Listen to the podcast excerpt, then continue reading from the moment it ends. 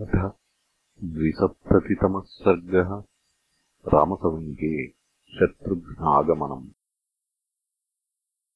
शयानम् नरव्याघ्रम् निद्रानाभ्यागमत्तदा चिन्तयन्तम् अनेकार्थम् रामगीतम् अनुत्तमम्।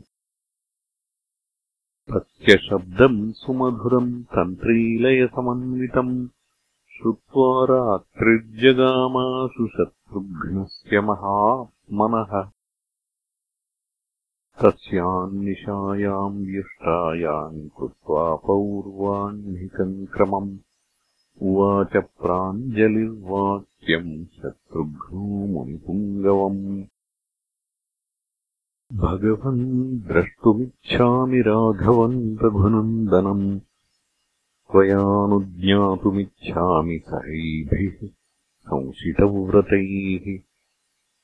इत्येवम् वादिनम् तन्तु शत्रुघ्नम् शत्रुतापनम्। वाल्मीकिः सम्परिष्वज्य विससर्ज च राघवम् सोऽभिवाज्यमुनिश्रेष्ठम् रथम् आरुह्य सुप्रभम्। अयोध्याम् अगमत् तूर्णम् राघवोत्सुकदर्शनः स प्रविष्टः पुरीम् रम्याम् श्रीमान् इक्ष्वाकुनन्दनः।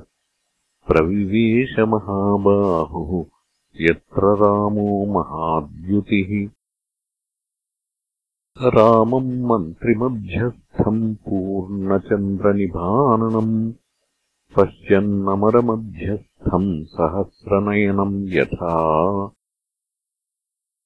अभिवाद्यमहात्मानम् ज्वलन्तमिव तेजसा। उवाच प्राञ्जलिर्वाक्यम् रामम् सत्यपराक्रमम्। यथा ज्ञप्तम् महाराज सर्वम् तत्कृतवानहम्। हतः सलवणः पापः पुरी चास्य निवेशिता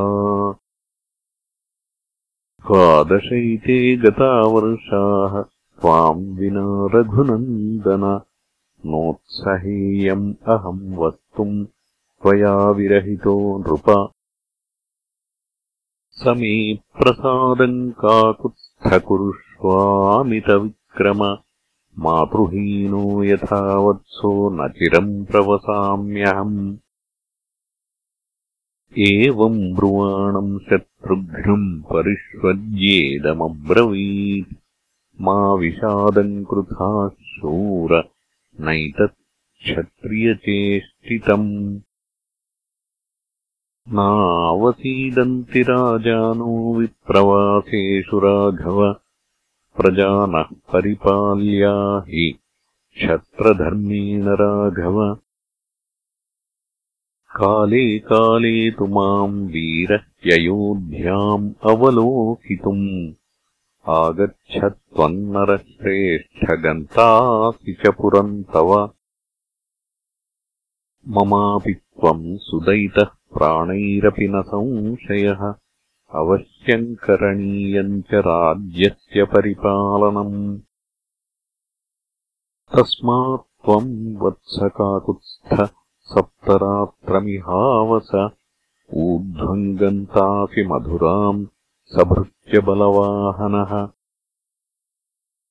रामस्यैतद्वचः श्रुत्वा धर्मयुक्तम् मनोगतम् शत्रुघ्नो दीनया वाचा बाढमित्येव चाब्रवीत्। सप्तरात्रम् च काकुत्स्थो राघवस्य यथाज्ञया उष्य तत्र महेश्वासो गमनायोपचक्रमे आमन्त्र्यतु महात्मानम् रामम् सत्यपराक्रमम् भरतम् लक्ष्मणम् चैव महारथमुपारुहत्। दूरम् आभ्यामनुगतो लक्ष्मणेन महात्मना भरतेन च शत्रुघ्नो जगामाशु पुरम् ततः। इत्यार्षे श्रीमद् रामायणे वाल्मीकीये आदिकाव्ये उत्तरकाण्डे द्विसप्ततितमः सर्गः